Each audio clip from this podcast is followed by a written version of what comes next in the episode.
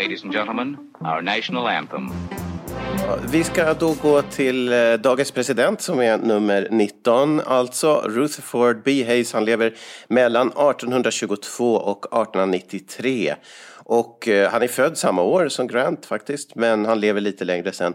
Det här har vi ju ännu en av dessa som har ett förflutet som, som eh, härförare i, i nordstatsarmén under kriget. Dock inte liksom av samma dignitet som, som det faller med, med, med Grant, verkligen inte, men, men, men, men i alla fall att eh, det med president så tyckte han väl inte var så himla häftigt att titeln som general så, så var någonting som kändes bättre för honom helt enkelt.